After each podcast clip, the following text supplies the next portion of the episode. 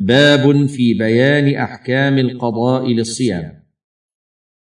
من أفطر في رمضان بسبب مباح كالأعذار الشرعية التي تبيح الفطر أو بسبب محرم كمن أبطل صومه بجماع أو غيره وجب عليه القضاء.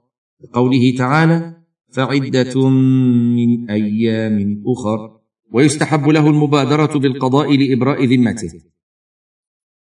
ويستحب أن يكون القضاء متتابعا. لأن القضاء يحكي الأداء وإن لم يقض على الفور وجب العزم عليه ويجوز له التأخير لأن وقته موسع وكل واجب موسع يجوز تأخيره مع العزم عليه كما يجوز تفرقته بأن يصومه متفرقا. لكن إذا لم يبق من شعبان إلا قدر ما عليه فإنه يجب عليه التتابع إجماعا لضيق الوقت ولا يجوز تأخيره إلى ما بعد رمضان الآخر لغير عذر. لقول عائشة رضي الله عنها كان يكون علي الصوم من رمضان فما أستطيع أن أقضيه إلا في شعبان لمكان رسول الله صلى الله عليه وسلم. متفق عليه. حاشية رواه البخاري برقم خمسين وتسعمائة وألف ومسلم برقم ستة وأربعين ومائة بعد الألف. انتهى. فدل هذا على أن وقت القضاء موسع إلى أن لا يبقى من شعبان إلا قدر الأيام التي عليه فيجب عليه صيامها قبل دخول رمضان الجديد. الصفحة الخامسة والثمانون والمئة. فإن أخر القضاء حتى أتى عليه رمضان الجديد فإنه يصوم رمضان الحاضر ويقضي ما عليه بعده. ثم إن كان تأخيره لعذر لم يتمكن معه من القضاء في تلك الفترة فإنه ليس عليه إلا القضاء. وإن كان لغير عذر وجب عليه مع القضاء إطعام مسكين عن كل يوم نصف صاع من قوت البلد. وإذا مات من عليه القضاء قبل دخول رمضان الجديد فلا شيء عليه لأن له تأخيره في تلك الفترة التي مات فيها.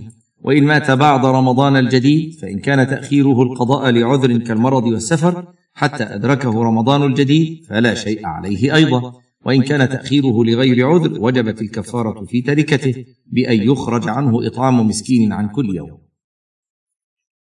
وإن مات من عليه صوم كفارة كصوم كفارة الظهار والصوم الواجب عن دم المتعة في الحج فإنه يطعم عنه عن كل يوم مسكين ولا يصام عنه ويكون الإطعام من تركته لأنه صيام لا تدخله النيابة في الحياة فكذا بعد الموت وهذا هو قول أكثر أهل العلم.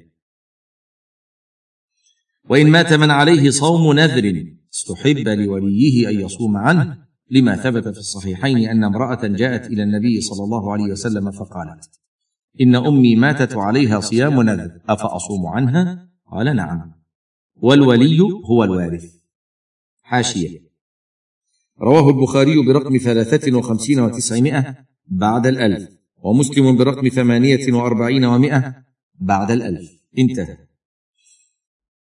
وقال ابن القيم رحمه الله يصام عنه النذر دون الفرض الأصلي وهذا مذهب أحمد وغيره والمنصوص عن ابن عباس وعائشة وهو مقتضى الدليل والقياس لأن النذر ليس واجبا بأصل الشرع وإنما أوجبه على نفسه فصار بمنزلة الدين ولهذا شبهه النبي صلى الله عليه وسلم بالدين.